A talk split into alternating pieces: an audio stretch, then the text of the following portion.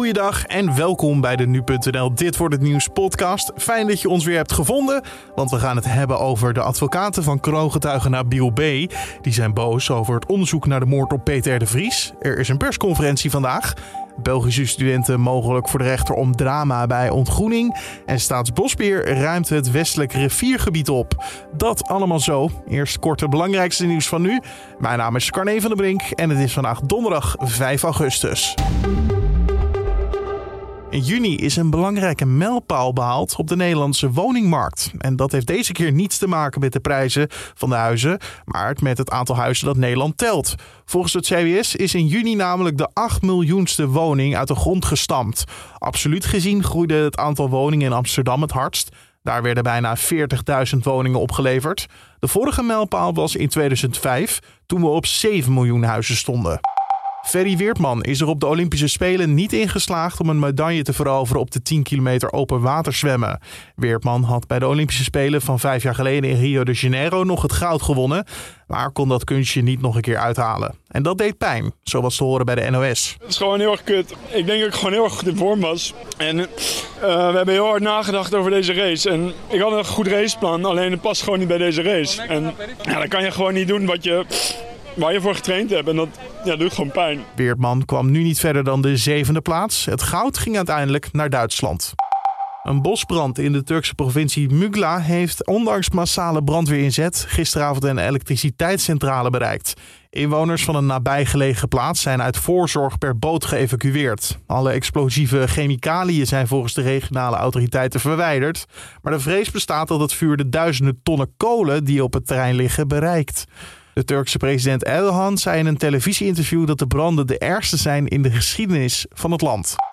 En vrijwel alle buitenlandse reizigers naar de Verenigde Staten zullen volledig gevaccineerd moeten zijn tegen het coronavirus.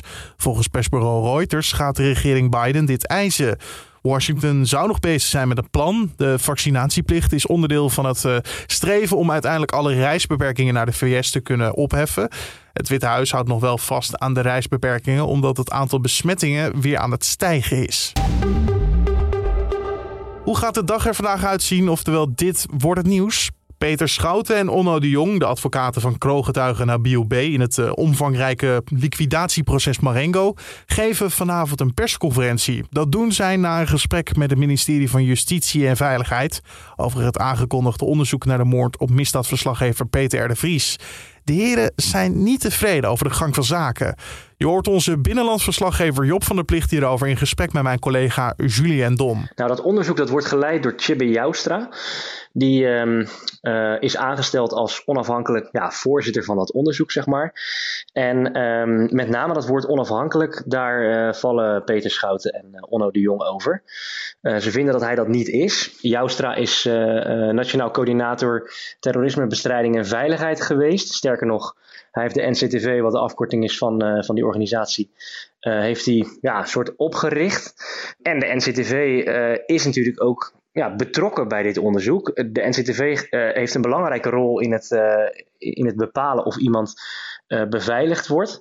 Nou, daar gaat nu onderzoek naar gedaan worden. En Schouten en de Jong vinden dus dat, dat Joustra niet dusdanig onafhankelijk is om dit onderzoek goed te kunnen doen. Even voor de duidelijkheid, naar ons weten werd Peter R. de Vries niet beveiligd, toch? Uh, nee, naar ons weten niet inderdaad, nee. Hij, uh, hij heeft zelf ook altijd gezegd uh, dat hij dat niet wilde. En nou goed, daar wordt nu dus onderzoek naar gedaan of dat beter had gekund. En nou goed, alle, alle feiten die zullen, als het onderzoek is afgerond, naar boven komen. Overigens is het, is het niet alleen zo dat dat Schouten en de Jong vinden dat uh, Chibi Joustra dit onderzoek niet onafhankelijk gaat doen.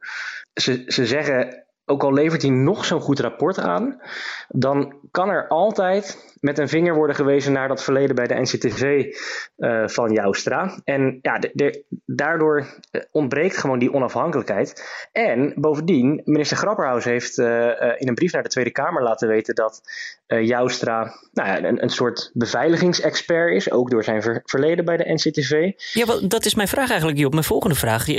Waarom wil hij Joustra dan wel hebben voor die plek? Joustra heeft dus een verleden bij de NCTV, dus ja, zou je kunnen zien als een een veiligheidsexpert. En uh, daar, daarop is de kritiek ook van, van Onno de Jong. doordat hij een veiligheidsexpert is, zou je hem prima kunnen gebruiken als, nou, bijvoorbeeld als, als, om, om hem te horen, als, als, nou, niet per se als getuige, maar als, als expert, om hem te horen in dat onderzoek. Uh, nu die voorzitter is geworden van, um, uh, van deze onderzoekscommissie, ja, dan gaat dat natuurlijk niet meer. Kan die niet meer gehoord worden. Dus dat mis je al. Maar dat was uh, voor Grapperhaus een van de redenen om hem aan te stellen. Andere reden was, dat is niet de allerbelangrijkste, maar wat natuurlijk ook wel, wel meespeelt. hij was iemand die, die gelijk beschikbaar was. Is natuurlijk ook um, van belang. en verder um, heeft Joustra volgens Grapperhaus een flinke, flinke ervaring opgedaan in het leiden van dit soort onafhankelijke onderzoeken. Nou, denk bijvoorbeeld aan het onderzoek dat um, Joustra heeft gedaan naar eh, de rol van de Nederlandse overheid in het adopteren van kinderen uit andere landen. Dat is een rapport wat uh, um, nog niet zo heel lang geleden is verschenen. Uh, en zo zijn er wel meer uh, onderzoekscommissies. Ook uh, bij MH17 is Joustra betrokken geweest met onderzoek daarnaar. Er zijn er wel meer commissies geweest waar Joustra onderdeel van is geweest. En um, nou ja, al met al denkt Grapperhaus dus dat dat de juiste man is om, om aan te stellen voor die positie. Maar goed, Peter Schouten en Onno de Jong willen Grapperhaus dus nu toch op andere gedachten brengen. Ja, klopt ja. Eigenlijk komt het daar wel op neer. Ze vinden ook dat, dat Joustra zelf uh, zou moeten zeggen... Ik, ik doe dit toch niet. Er is nou ja, door Schouten en door de Jong zoveel kritiek gekomen op um, uh, mijn eventuele onafhankelijkheid... dat ik mezelf terugtrek. Nou, zover is het nog niet gekomen, maar ze vinden inderdaad ook dat uh, Grapperhaus uh, op andere gedachten gebracht moet worden. En dat uh, gaan ze vandaag in een gesprek met het ministerie proberen. Schout en de Jong zijn dus de advocaten van de kroongetuigen van het liquidatieproces Marengo. Nabil B. gaat het dan over. Peter R. de Vries had ook een rol in dat Marengo-proces. wat was die rol van Peter precies en hoe zit dat weer verwikkeld met Schouten en de Jong? Ja, Schouten en de Jong zijn dus inderdaad de advocaten van Nabil B. Wat, uh, wat een kroongetuige, de kroongetuige is in het uh, proces tegen, tegen Redouan laat het zo maar even noemen. En op een zeker moment heeft uh, Nabil B. Peter de Vries gebeld. Of in ieder geval gevraagd om ehm, nou, zijn adviseur te worden. De Vries die vond dat hij daar, dat hij daar eigenlijk geen nee tegen kon zeggen. En heeft dat dus ook niet gedaan en, en heeft die rol op zich genomen.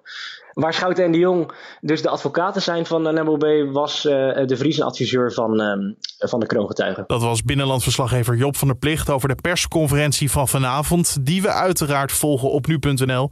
Dus wil je niks missen, bekijk dan onze site en onze app. En 18 Belgische studenten krijgen vandaag te horen of ze voor de rechter moeten verschijnen. De groep was mogelijk betrokken bij een dodelijk ontgroeningsdrama in Leuven, gebeurde in 2018. Volgens de advocaat van de verdachte heeft het lang genoeg geduurd en moet er nu duidelijkheid komen. Zo is te horen bij onze collega's van het laatste nieuws. Ik zelf heb ik op vraag van mijn cliënt expliciet de doorverwijzing gevraagd, omdat hij vindt dat het lang genoeg duurt. Het is eigenlijk een dossier uh, waarvan je bijna kunt zeggen dat de jeugd uh, in de ziel treft. Want iedereen die daarbij betrokken is, dat is een ramp. Bij dat drama kwam een student om het leven nadat hij urenlang in ijskoud water moest zitten en verplicht werd om liters aan vissaus te drinken. Na 30 uur van vernedering werd hij onderkoeld naar het uh, ziekenhuis gebracht. Daar overleed hij twee dagen later aan meervoudig orgaanfalen.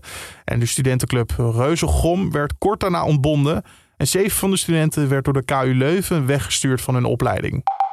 En het laatste van vandaag is dat we zien dat Staatsbosbeheer vandaag met uh, vrijwilligers aan de slag gaat om het westelijk rivierengebied op te ruimen. Ja, en de uiterwaarden langs de Waal is na het hevige water van begin deze maand veel rommel achtergebleven. Dat gaan ze opruimen op verschillende plekken. Daarnaast rijdt er tussen beneden Leuven en slot Loevestein een busje om gevulde vuilniszakken van opruimers op andere plekken op te halen. Dus het is een hele operatie. Moet je je jas aan vandaag of kan je beter een korte broek klaarleggen? Nou, we vragen het aan Wilfred Jansen van Weerplaza. We beginnen de dag op veel plaatsen droog met ruimte voor de zon. In de loop van de dag ontstaan verspreid stapelwolken. Met name in de noordoostelijke helft van het land kunnen die uitgroeien tot uh, pittige buien. Misschien met onweer en plaatselijk ook veel regen in korte tijd.